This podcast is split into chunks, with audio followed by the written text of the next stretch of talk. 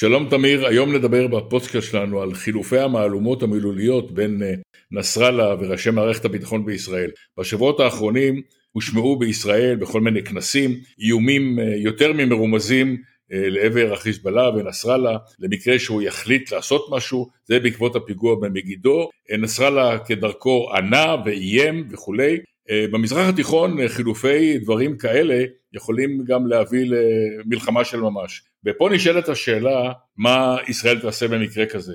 להזכיר למאזיננו היקרים שהחיזבאללה, הכוח הרקטי של החיזבאללה, הוא לא הכוח הרקטי של הג'יהאד האיסלאמי וגם לא של החמאס בעזה. לחיזבאללה בלבנון יש כ-150 אלף רקטות, חלקן מדויקות מאוד, באמצעות מערכות שאיראן סיפקה להם.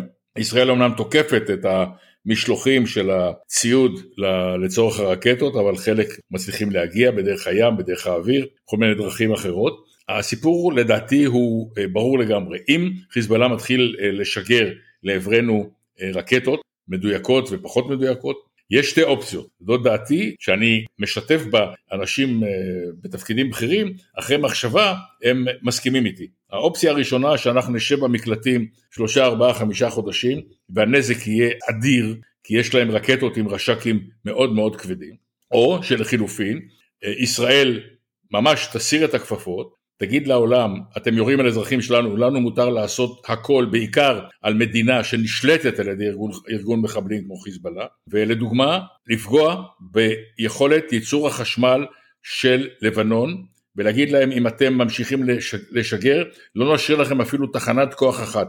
להזכירכם, בלי חשמל אין מים, שישתו מי ים. כלומר, התגובה נגד לבנון לא צריכה להיות תגובה נקודתית נגד המשגרים שמוטמנים בכל מיני מקומות בדרום לבנון וגם לא בדרום לבנון, היה להם הרבה זמן לחיזבאללה להיערך, הם הסבו את המשגרים האלה, ואם התגובה הישראלית תהיה על ידי חיל האוויר, על ידי ציד של משגרים, אז אנחנו נחטוף פה מכות כאלה שישראל לא, לא חטפה מעולם.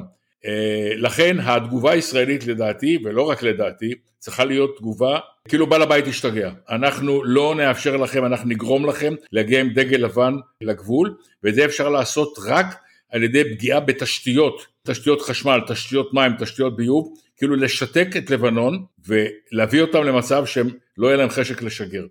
אני אה, בספק אם ממשלות ישראל אה, מסוגלות לקבל החלטות כאלה, אה, עד היום התברר שלא, עובדה שבעזה כל פעם יש סבב וסבב וסבב, ואומנם פוגעים להם ועושים להם, אבל הם כל פעם מתחזקים יותר. אני מקווה שאם בלבנון חס וחלילה יחליטו לתקוף את ישראל ולהשתמש בארסנל הרקטות האדיר שיש לחיזבאללה, התגובה תהיה אחרת, שונה ומוחצת יותר. בוודאי שלבנון היא לא עזה. אני לא חושב שבישראל אה, מתכוונים לשבת במקלטים כמה חודשים. יש לנו את הדוגמה של אה, מלחמת לבנון 2, 2006, שהגיעו לשלב אה, תקיפת הדחיה ועשו שם האשמות בשכונה מאוד אה, מרכזית בביירות כאשר בחרו לעשות את זה כחלק מההרתעה וחלק מהלחימה בחיזבאללה. הבעיה היא שהיום לבנון היא, היא בעצמה צל של עצמה, צל של מדינה, היא חרבה כמעט לחלוטין, החשמל כבר ככה לא עובד שם, המים גם ככה לא עובדים שם, כל אחד מייצר לעצמו חשמל אם יש לו כסף לקנות גנרטור ודלק, אבל אה, תקיפה של אה, תשתיות יכולה לעזור, אבל אני חושב שצריך למצוא נקודות לחץ אחרות. אני חושב שתקיפה סלקטיבית של אה, נקודות רגישות שחשובות מאוד לאיראנים, אם זה בלבנון ואולי במקומות אחרים, זה יכול להיות סוריה, עיראק וזה יכול להיות גם באיראן. הרחבה כזאת של אה, מגרש המשחקים, אפשר לומר, יכולה להוות הרתעה ולכבות במקצת את השריפה במידה ותפרוץ. אני לא חושב שכרגע החיזבאללה יצא למבצע או למלחמה בהחלטה שלו. במידה ואיראן תחליט להסלים את הסכסוך מהמב"ם הקיים לרמה יותר גבוהה, ישראל יכולה מטעמה לבחור להסלים אותו עוד יותר. וכאן אני חושב שהמשוואה יכולה להשתנות. אני פחות בעד uh, תקיפת תשתיות בלבנון, כפי שאמרתי, בעיקר מכיוון שהן הרוסות גם כך.